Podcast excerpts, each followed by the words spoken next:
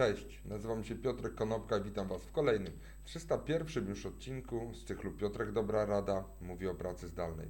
Dzisiaj powiem kilka słów na temat tego, co zdarzyło się w wakacje, ponieważ przez ostatnie dwa miesiące, jak wiecie, miałem urlop od codziennych odcinków. Na pierwszym miejscu, co się zdarzyło, to jest projekt rozporządzenia, że osoby, które będą niezaszczepione, będą mogły być skierowane przymusowo przez pracodawców na pracę zdalną, albo będą mogły być skierowane przymusowo nawet na urlop bezpłatny. Zobaczymy, jak to będzie wyglądało w praktyce, ponieważ to będzie oznaczało, przynajmniej w mojej opinii, częściowy przymus szczepień, co do którego e, ja jestem za takim podejściem.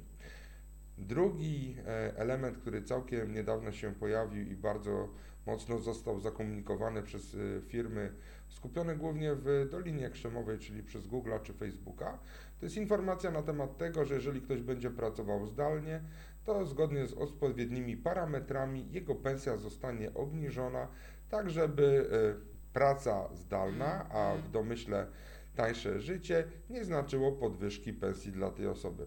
Według mnie jest to postępowanie bardzo nie fair.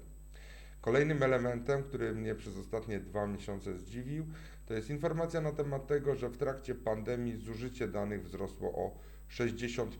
Co to oznacza? Oznacza to, że e, ta praca zdalna, infrastruktura czy wymagania związane z samą pracą zdalną powodują wzrost właśnie o 60% zużycia danych, czyli nasze biura kosztują tyle, czy powinny kosztować tyle, co y, koszty związane z takim właśnie wzrostem transferu.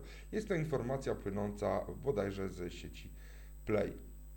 Kolejnym elementem mijają już właściwie e, minęło już półtora roku od wdrożenia pracy zdalnej.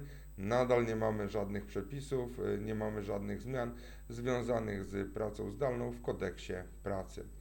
Piątym elementem to jest to, że pracodawcy jednak nadal nie wierzą swoim pracownikom, nie wierzą w to, że praca zdalna jest pracą dobrą, pomimo tego, że wydajność tych pracowników wzrosła. Co oczywiście widać na przykład na e, wykresach związanych ze wzrostem PKB czy ze wzrostem sprzedaży. Natomiast jednak nadal pracodawcy nie wierzą, że pracownik pracując z domu pracuje wydajnie. I ostatnim elementem jest to, że jednak po drugiej stronie pracownicy nie chcą wracać, nie chcą tracić czasu na dojazdy, nie chcą tracić czasu na e, przebywanie w pracy dłużej niż to jest konieczne, ponieważ docenili uroki życia e, razem z rodziną, docenili uroki pracy zdalnej i mam poczucie, że e, to e, ten trend będzie się utrzymywał. Dzięki serdeczne, do zobaczenia i usłyszenia jutro. Na razie.